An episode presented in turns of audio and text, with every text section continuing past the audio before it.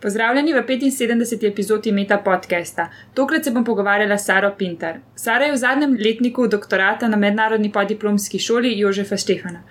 Ukvarja pa se s področjem strukturne biologije. Živijo, Sara. Živijo.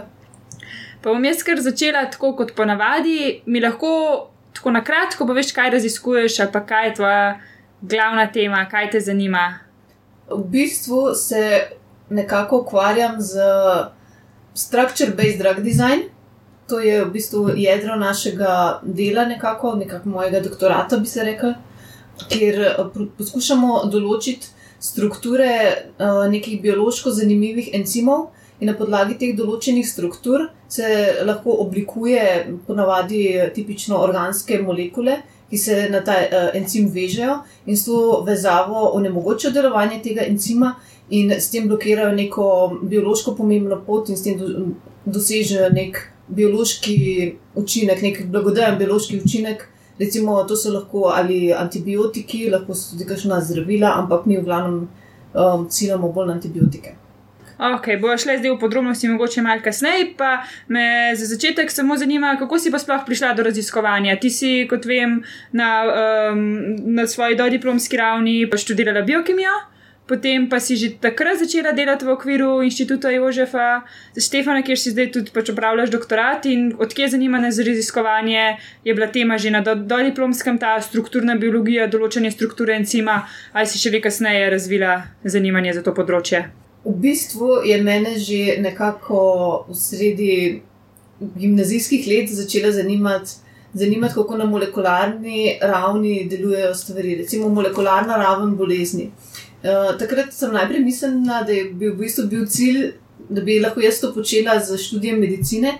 Potem sem pa že tekom gimnazijskih let nekako ugotovila, da v bistvu bi bil za me najbolj primeren študij biokemija. In uh, v vsem tem času uh, študija je v bistvu mene uh, vse čas zanimalo raziskovalno delo. Tako sem se konec študija uh, odločila delati diplomo na tem našem odseku, kjer sem trenutno uh, zaposlena v skupini za strukturno biologijo. V bistvu sem, sem imela veliko sreče, v bistvu nekako na ključe pripeljala potem pač do tega, da uh, sem pri svojem mentorju za diplomo dobila potem tudi možnost upravljanja um, doktorske naloge.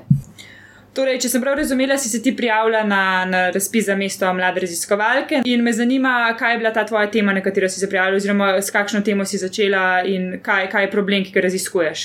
V bistvu mi preučujemo delitev bakterijskih celic. Za razliko od uh, živalskih celic, uh, za razliko od živali, uh, so bakterijske celice enocelični organizmi, uh, ne živijo v tkivih, čeprav mogoče to ni čisto res, ker se je izkazalo, da v bistvu zelo veliko celic živi v nekih takih skupnostih zaščitenih. Ampak zaradi tega, ker so enocelični organizmi in lahko sama cel, ena celica preživi v zelo različnih okoljih um, imajo, za razliko od živalskih celic, še dodatno strukturo, to je celična stena.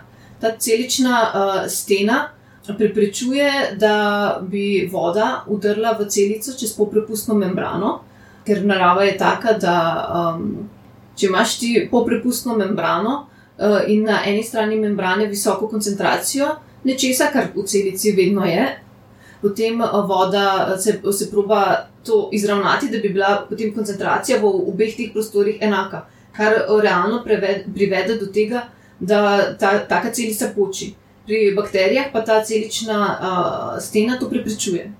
Ta celična sten, stena uh, se imenuje peptidoglikan in je zgrajena iz uh, sladkornih verig, uh, ki jih prečno povezujejo peptidni mostički. In mi preizkujemo proteine, ki cepijo te sladkorne verige mogoče je mali, malo kontraintuitivno, zakaj bi uh, bakterije v bistvu rade razgrajevale svojo celično steno. Um, to pa zato, ker bakterija, ko se deli iz ene celice, nastane ta dve. In zato za, za rast in delitev se mora ta rigidna celična stena uh, prvič povečati. Uh, drugič pa potem uh, še uh, razdeliti in tudi prekiniti to povezavo z staro celico. In če mi onemogočimo tudi to razgradnjo, ne samo sintezo, celice, se, se celice ne morejo več deliti, in s tem, ko se, cel, tem, ko se celice ne delijo več, ne raste ta bakterijska populacija in v bistvu s tem uh, uničimo to kulturo. Zaustavite lahko, recimo, tudi bi lahko zaustavili tudi recimo, nekega patogena v, v nekem organizmu, ki bi pač povzročal škodo. Tako je. To je ideja. Preden smo začeli snemati, smo se pogovarjali, pa si omenila, da tipični antibiotiki delujejo, ne vem, kaj si čisto točno omenila, delujejo na formacijo, na oblikovanje, na gradno te celične stene, torej prekinejo gradnjo te zaščitne, zaščitne ovojnice. Penicilin. Penicilin, naprimer. za- Vi pa na, na, na, v nasprotju s tem, da bi pač preprečili samo gradnjo, ste se odločili, da boste preučili proteine, ki pri čem sodelujejo pri, um, Pri razgradnji. pri razgradnji. Ampak te proteini sodelujejo pri razgradnji takrat, ko pride do celične delitve. Ne? Ali tudi v bistvu sicer? trenutno to še ni dobro znano, ker v bistvu celične, preučevanje celične stene je um, nekako ovirano s tem, da je v bistvu celična stena je en zelo velik netopen polimer. S tem jo je zelo težko preučevati, ker tipično uh, za veliko encimov, ki so trenutno dobro preučeni, se uporabljajo topni substrati. S tem imamo uh, nekako uh, metodološke težave, poleg tega je pa še druga metodološka težava, je sinteza nekih substratov. Nekih tipično se uporabljajo neki kromogeni substrati, to so snovi, ki uh, ob, ob tem, ko deluje nek encim, na, na njih povzročijo neko barvno reakcijo. In s tem se da meriti hitrost encima, da se slediti aktivnost encima in tako naprej. Ampak uh, ker so tukaj, tukaj uh, substrati sladkorji, sladkorji um, imajo zelo veliko ekvivalentnih alkoholnih skupin. Mhm. In uh, to je pri, pri kemijski sintezi, za sladkorje ni vseeno, pač, kako so ti polimeri povezani, je prav specifična vez. In je sinteza večjih teh polimerov zelo zahtevna, in to v bistvu precej uvira uh, raziskave. Um, Kako encimi encimov. delujejo na, na celično steno, prav, če sem prav razumela. Aha. Ja, Ampak m, ti pa se pač v, v nalogi se trudiš določiti neko strukturo nekega proteina. Torej, kar me zanima je, um, kakšne proteine in kako so, kakšen je odnos med temi proteini, ki, ki jih ti preučuješ, to skupino proteinov, Mhm. encimov, ki jih preučuješ, in celično steno uh, te bakterije. te encimi celično uh, steno cepijo, kar omogoči rast celice, povečevanje njenega volumna Mhm. in uh, potem tudi delitev. In te encimi so uh, normalno sicer prisotni zraven teh bakterij. Ja. Ti v, v svojem prispevku na, uh, si navedla to bakterijo. Lahko kaj več poveš, mogoče ne prej o tej bakteriji. Uh, Staphylococcus aureus je v bistvu uh, kar dobro. Mogoče v raziskavah, bom, tako- bom tako rekla, v raziskavah je popularna bakterija. Je tudi uh, precej znana bakterija, večina ljudi jo pozna pod imenom MRSA. Je pogost povzročitelj bolnišničnih okužb. Uh, in te MRSA sevi so odporni na um, te tipične antibiotike. Uh, ta okrajšava je v bistvu stoji za methicillin resistant staphylococcus aureus, ampak so dosk, doskrat odporni tudi na druge antibiotike. In uh, še drug problem je, ker uh, od 90-ih let naprej zaznavajo vedno več uh, teh odpornih sevov, tudi v tako imenovanih um, community acquired infections, torej infekcije, ki prihajajo um, iz. Um, Zunaj bolnišnic, bom tako rekla. Ker v bolnišnicah se tipično uporablja več antibiotikov kot zunaj, tudi po, po operacijah, ali pa pride do lahko okužb eh, po operacijah, in potem se uporablja antibiotike, in je tako, bil ta, tako imenovan selekcijski pritisk eh, v bolnišnicah večji. Torej, selekcijski pritisk je, pomeni, da če so bakterije izpostavljene določenemu antibiotiku, um, so bakterije, ki bodo bolj odporne na ta antibiotik, oziroma posamezni uh, osebki uh, neke kulture, v kateri rastejo, ki so, odporni, ki so bolj odporni na ta antibiotik, bodo bolj preživeli. In s tem uh, bakterije um, pridobivajo odpornost. In ta odpornost se potem tudi širi. Tako da tipično je v bolnicah uh, selekcijski pritisk večji in zato tudi pričakovati, da bo več nekako odpornih bakterij, medtem ko mm, tipično z neko normalno uporabo, če se antibiotike uporablja odgovorno, torej uh, samo za dejanske bakterijske okužbe, pogosto v literaturi je zaznati, da se je pogosto v preteklosti tudi za sume virusnih okužb predpisovalo antibiotike. Je ta uporaba antibiotikov močno porasta, s tem pa tudi selekcijski pritisk v zunaj bolnic. Ja, in s tem um, je tudi potem uh, se razširila ta odpornost, in um, tipično je, še posebej v državah, kjer se bolj široko in manj odgovorno uporablja antibiotike, je ta odpornost uh, precej uh, bolj razširjena. In um, to je v bistvu zelo nezabavno, ker lahko se zgodi, da ima človek neko infekcijo, ki lahko zgleda povsem. Um, mogoče nekako benigna, ker mislimo, da se jo bo dalo zelo enostavno pozdraviti, ampak take okužbe v bistvu dejansko nezdravljene, oziroma če se jih ne da pozdraviti, lahko človeka tudi ubije. Pejva zdaj do teh encimov, v katerih strukturo se ti trudiš določiti z raznolikimi metodami. Torej, rekli smo, encimi sodelujejo pri uh, delitvi in pri gradnji celične stene, ne? pri stafilokokusu aureusu. Ja. In ka, ka, kako imenujemo te encime, kateri encimi so, koliko jih je. So ti encimi tudi uh, že naravno prisotni pri teh bakterijah? Ja, to, so bistvu, prisotni to so naravno prisotni encimi. Ki naj bi bili ključni za rast uh, in delitev teh eh, celic. V bistvu so to zelo nekako slabo raziskani uh, encimi, koliko jih je. Kako se pa imenujejo? Autolizini. Autolizini so ti encimi, ok. So slabo raziskani. Ja, precej slabo raziskani, ni, ni še veliko podatkov. Ampak ja, v bistvu glavna metoda, ki jo uporabljamo mi za določanje encimov, je uh, kristalografija. Uh, v strukturni biologiji se poleg kristalografije tipično uporabljajo še uh, nuklearna magnetna resonanca ali NMR in pa krioelektronska mikroskopija. Um, vsaka od teh metod ima svoje pluse in minuse. Tipično se NMR uporablja za manjše proteine, uh, medtem ko krioelektronska mikroskopija za večje proteine in, moda, in tudi skupke večjih proteinov in mogoče njihove interakcije za organele. Uh, tako, ampak tudi krioelektronska mikroskopija je v zadnjih letih ogromno napredovala, včasih uh, se z njo ni, dal, ni dalo določiti um, strukture do uh, atomske resolucije, uh, kar je pa sedaj že možno. Ti se pa ukvarjaš s kristalografijo. Ampak kaj če gremo čez celo to pot, kako lahko iz bakterijske celice, ki obdaja uh, celična stena, potem pridemo ven do proteina. Torej, najprej imaš kulturo bakterij. Ali... V bistvu v, strikt, ne. Ne. v, bistvu v strukturni biologiji je pač mi vse proteine pridobivamo rekombinantno. Okay. Torej, Včasih je recimo še posebej za človeške proteine. Je zelo težko je dobiti tkiva, in v bistvu, po pravici povedano, tudi uh, biokemiki zelo ne radi delamo z človeškimi ledvicami. In, uh, razlagali so mi sodelovke, da so včasih dobili človeške ledvice, so jih zmleli in so izolirali ven protein. Ampak odvisno od proteina, s katerim delaš, tem, uh, lahko jih je težko očistiti tem, ker je to neka mešanica um, in lahko ga je zelo malo prisotnega. Torej, mi vse, vse proteine pridobivamo rekombinantno. Pomeni, da sem jaz začela z genomsko DNA stafilokokusa aureusa, torej z, z dednim zapisom stafilokokusa aureusa. Celotnim dednim zapisom.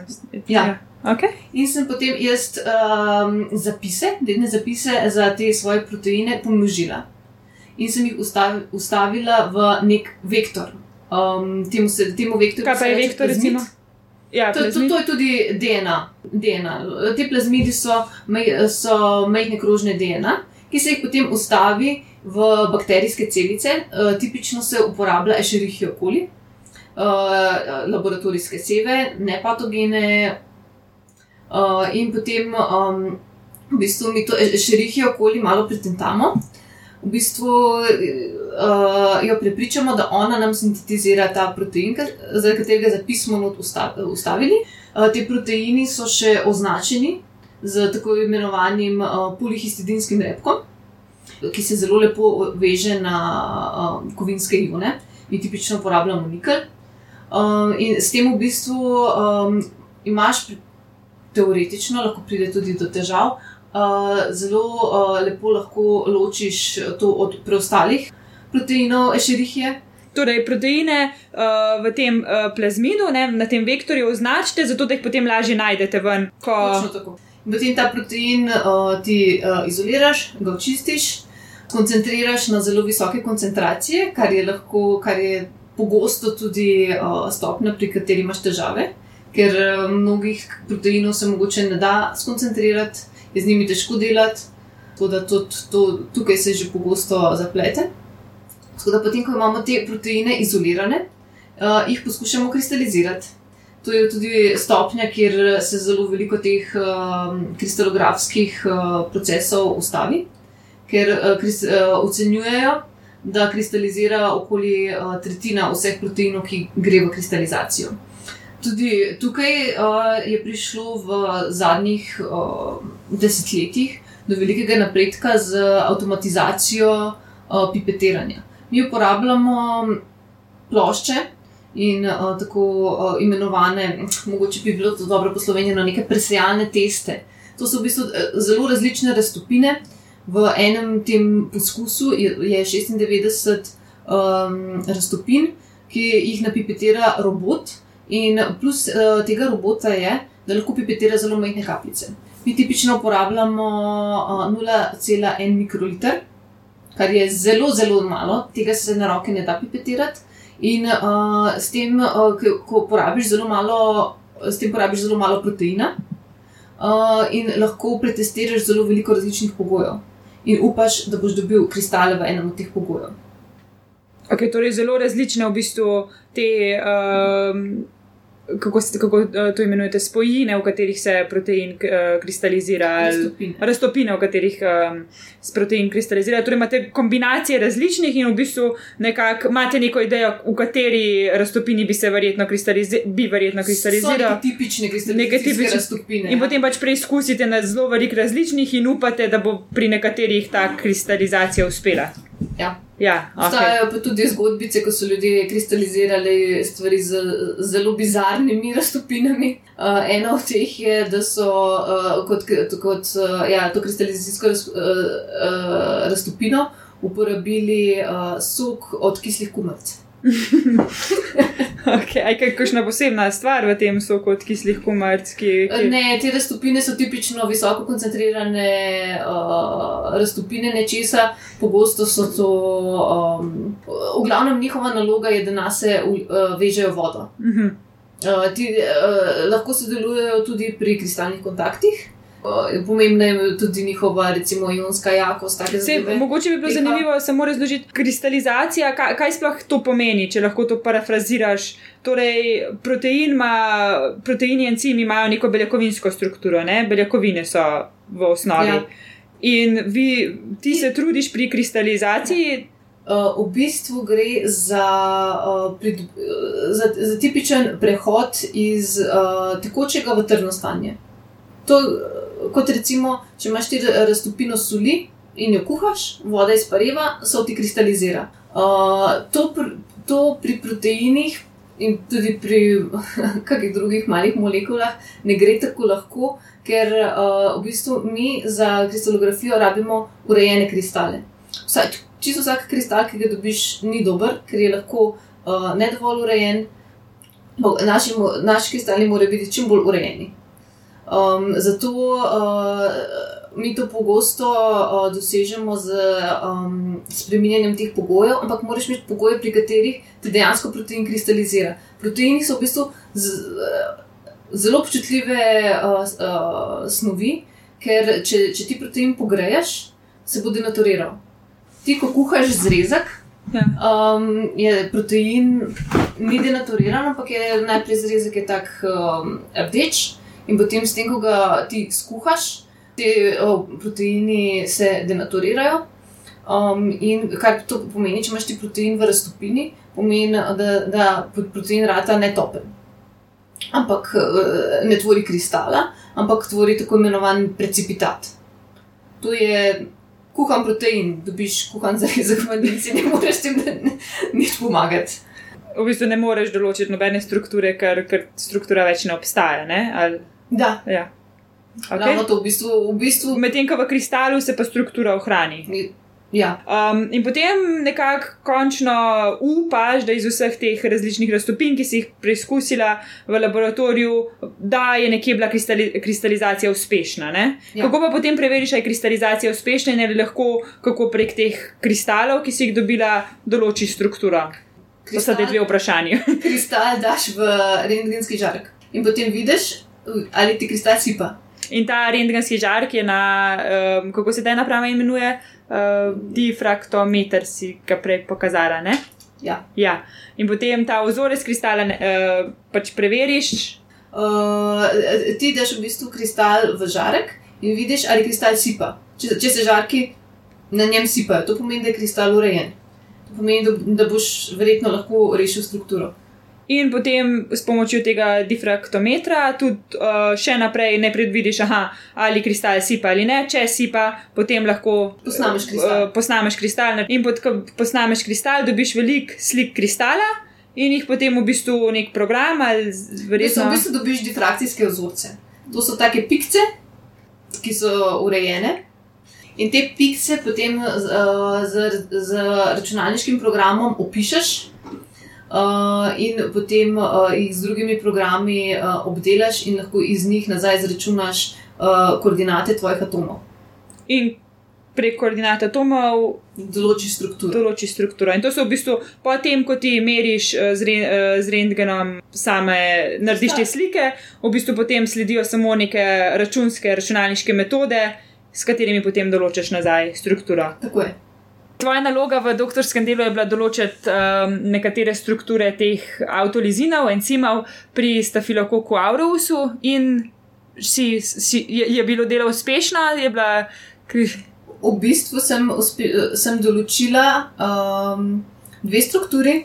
Eno strukturo je določil sodelavec prej, eno od struktur so določili v Ameriki, uh, ampak uh, niso objavili nobenega članka. Tako da trenutna situacija je taka, da so, da so določene strukture uh, vseh encimov iz tega organizma. Vseh teh ključnih encimov iz tega uh, organizma, iz uh, te določene družine, z eno specifičnostjo. Torej, si, si določila, če sem prav razumela, zdaj poznamo iz, teh, iz te skupine encimov, poznamo koliko struktur? Štiri. Štiri. In eno izmed teh, ali več, dve, dve si ti določila. In zdaj, ko, ko poznamo te štiri strukture, oziroma ti recimo poznaš dve strukturi. Um, Znamo vse štiri. No, poznaš, no, ti si odkrila dve strukturi, poznaš pa vse štiri, seveda.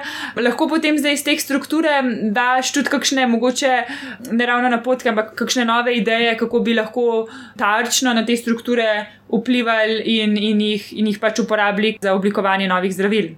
Ja, v bistvu je nekako je namen, da pač ti eh, določiš strukturo ne samo zato, ker je lepa, je lepa. Za structure-based drug design se v bistvu potem uh, analizira uh, aktivno mesto teh uh, encimov, hočeš vedeti, kam se veže substrat in v bistvu kateri uh, te um, proteine gradijo aminokislinski preostanki, to je osnovna ta enota, uh, so odgovorni za katalitičen mehanizem. V bistvu zdaj uh, smo pripravili en članek, ki je v uh, postopku objave, kjer smo preučevali v bistvu dejansko ta katalitičen mehanizem teh encimov z že določeno strukturo, kjer je sodelavec uspel uh, dobiti tudi encim z majhnimi fragmenti tega substrata, te fragmenti, ki so še topni in v bistvu, ki so komercialno dostopni. Uh, s tem v bistvu vemo, kje je uh, aktivno mesto. Uh, do, potrdil je tudi, kateri je aktiv, uh, aktiven uh, aminokislinski preostanek, ki je v bistvu v tej družini visoko ohranjen, kar je v bistvu tudi nekako dober znak. Uh, in s tem so uh, sodelavci iz Kemijskega inštituta z pomočjo uh, računalniških uh, metod zračunali dejansko to uh, reakcijo. In imamo v bistvu um, nek model, uh, si predstavljamo, kako ne bi ta reakcija potekala. Torej, želja je, da bi onemogočili delovanje tega encima, ki pač pripomore k. Ja, tako je. Sva pri zadnjem sklopu vprašanj. In najprej me zanima, imaš kakšno zabavno anegdoto, ki si zgodila tekom tvojega študija doktorskega, z mentorjem, z kolegi, kolegicami pri delu v laboratoriju. Ja, mogoče, mogoče je ena, en tak tipičen ognjen krst za povprečnega, povprečnega strukturnega uh, biologa, je, da mi za robota za kristalizacijo uporabljamo tako imenovano miliko vodo. To je, to je ne, ne samo navadna, čista, mi pogosto rečemo destilirana voda, ampak to je v bistvu filtrirana voda. Ampak tista je še, še bolj filtrirana, še čez več filtrov. In um, ta voda, načel, načeloma, ravno ne razmetavaš z njo, čeprav za robota gre kar veliko te vode. Mi to vodo točimo v take petlitrske kante, ampak ta voda teče zelo počasi. In tipično ti to vodo odpreš in zelo zauzeto zraven čakaš, ti rata malo dolg čas, uh, greš nekaj iskati v pisarno, srečaš sodelavca, sodelavko, te nekaj sprašujejo, in, ampak ta voda spet ne teče tako zelo počasi. In enkrat v, seveda, prvem letu mojega študija, jaz nekako popoldne si pripravljam, da bom dala stvari kristalizirati. In um, pripravim to za točenje, seveda, tipično malo čakam, vrata mi dolg čas. Potem uh, grem v pisarno, pozabim, da sem točila vodo, grem po svoj ozorec, grem nekaj meriti v zgornje nadstropje. pridem, pridem, pridem nazaj dol in celoten laboratorij je bil poplavljen. Za ultra čisto, ne zelo poceni vodo. Poleg tega je ta, je ta, je ta voda, še, ta, ta naprava je postavljena direktno nad predalniki. Tako da vsi predali so bili zaliti z vodo, in v enem od teh predalov je spravljeno crka um, vem, 200 uh, steklenih epruvet. In reče, vse te eprovete so bile namočene. V glavnem, um, ja, sanacija tega problema je bila dolgotrajna. Zanimivo. Kako so se od opisa do danes spremenila tvoja pričakovanja glede doktorskega študija in ali bi se ponovno odločila za doktorski študij? Ja, za doktorski študij bi se ponovno odločila. Uh, moje pričakovanja. Hm, v bistvu sem bila po, po zaključku do diplomskega študija je bil moj mindset nekako, ja, jaz bi samo zdaj rada končno raziskovala. Imela sem dovolj izpitev uh, in uh, poslušanja te nekako teorije in to, želela sem si sama početi stvari. In um, ja, bila sem pripravljena na delo uh, in na samostojno raziskovanje, ampak od takrat, seveda, pač takrat je nekako zauzeti in uh, ne poznaš stvari, so, so se po mojem pričakovanju ja, spremenila, so se recimo kar precej.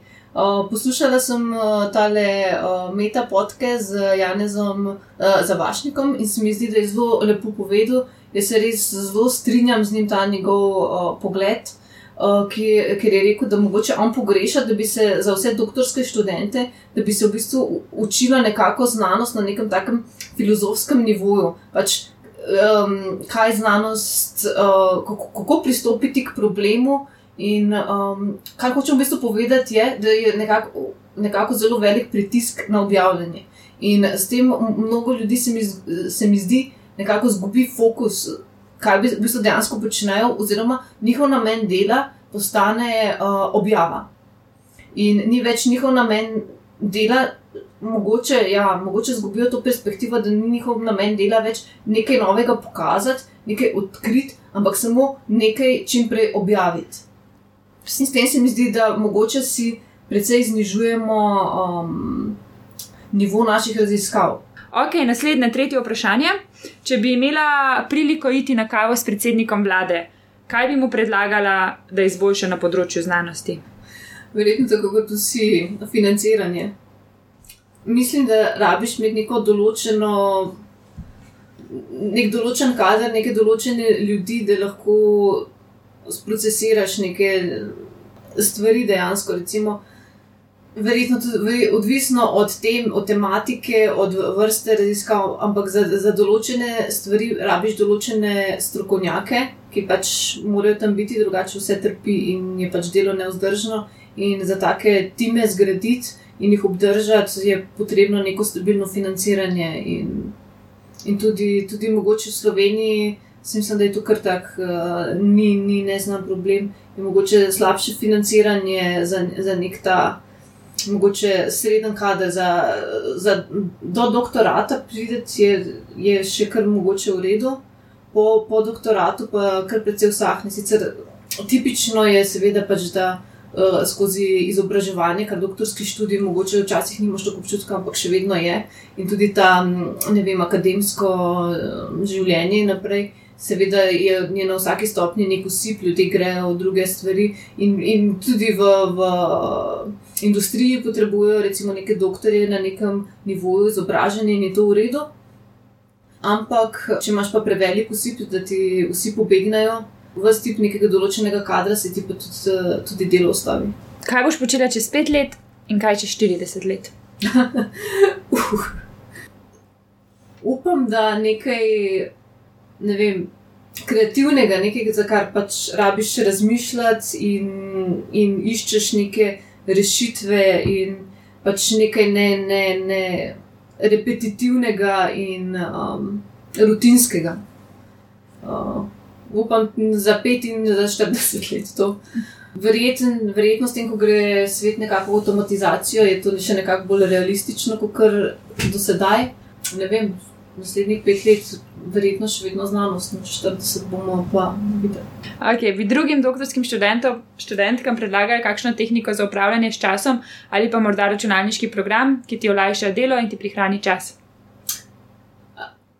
Veš, kaj se mogoče meni zdi najbolj nekako učinkovito, pač, ker si nekako v narekovajih doma in imaš svojo skupino in to ljudje, s katerimi komuniciraš, tipično so verjetno najbolj on topic za te in delajo najbolj take stvari. Ampak meni se zdi zelo koristna stvar komuniciranje z drugimi ljudmi. Pogosto so uh, kakšni dogodki, um, in potem na teh dogodkih so te poster sešni, ljudje predstavljajo svoje raziskave. Uh, in da se s temi ljudmi pogovarjaš, pogovarjaš o njihovih, o tem, kaj oni počnejo, um, in mogoče jim razložiš, kaj ti počneš, mogoče kakšen svoj problem. In s tem se mi zdi, da si lahko blazno razširiš neka obzorja in pogosto na nek nepričakovan način in na neko predvsem posem. Ja, pos, dobiš lahko neko posebno drugačno perspektivo, kot recimo doma in pač ti sodelavci, s katerimi delaš, in to pogosto zauzameš potem neko podobno perspektivo tega tvo, svojega tima, v katerem delaš, ampak s tistim uh, lahko res dobiš nek, nek drug pogled. Če posebej, ko na neki stvari zelo intenzivno delaš in zelo odblizu, potem pogosto več ne vidiš eh, te stvari nekako, seveda ne vidiš objektivno. Uh, in mogoče tistih problemov, ampak mogoče nekdo drug z malo drugačno perspektivo, z, z malo drugačnim backgroundom, z malo, malo drugačnimi znanji, ti pa lahko um, ta tvoja perspektiva obrne in v bistvu ti ta, te svoje raziskave postavi na posebno nek višji nivo, nek drug nivo.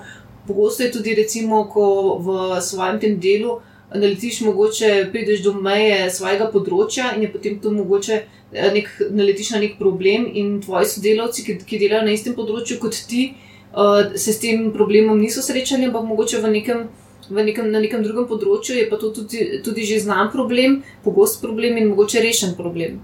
Oziroma se znajo z njim spopadati, in s tem, s tem si lahko zelo, um, se mi zdi, veliko pomagaš. No. In tudi časa prihraniš. Seveda.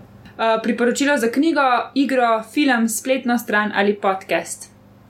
Um, mogoče, ok, takih znanstvenih tlih, uh, ne nekaj velikih. Um, kar mi je všeč, je ta YouTube kanal Visos v Omaka. to. To? Še kaj drugega? Nič drugega. Ne, nič drugega. Koga od nam znanih ali neznanih bi povabila na večerjo, če ne bi bilo nobenih omejitev? Mogoče so mi fascinantni uh, bolj ti uh, začetniki kristalografije. Eh, eden od takih zelo velikih mejnikov v kristalografiji, oziroma takih velikih dogodkov, je bila določitev uh, strukture uh, najmanjšega organela, uh, to je ribosoma, za kar je bila v bistvu potem podeljena leta 2009, se mi zdi tudi Nobelova nagrada. In od, ena od teh nagrajenk je bila tudi uh, Ada Jonas, mogoče z njo, ker pač ta, ta ribosom je zelo fleksibilen in v bistvu ona uh, je. Um, glavnino svoje kariere posvetila kristalizaciji v narekovajih enega vzorca. Cool. Hvala, Sara. Hvala, zadnje. Poslušali ste Meta podcast. To je oddaja, v kateri se pogovarjamo z mladimi znanstveniki in znanstvenicami z različnih področji znanosti. Podcast domuje na spletišču metinalista.si, kjer najdete tudi druge zanimive znanstvene vsebine. Naše delo lahko podprete z donacijo Metini listi. Pohvale, pripombe in predloge lahko posredujete po e-mailu znanost.afnametinalista.si. Dobrodošli so tudi komentarji na Facebook profilu Metine liste in na Twitterju afnametinalista, kjer uporabite hashtag meta podcast. Se slišimo čez 14 dni.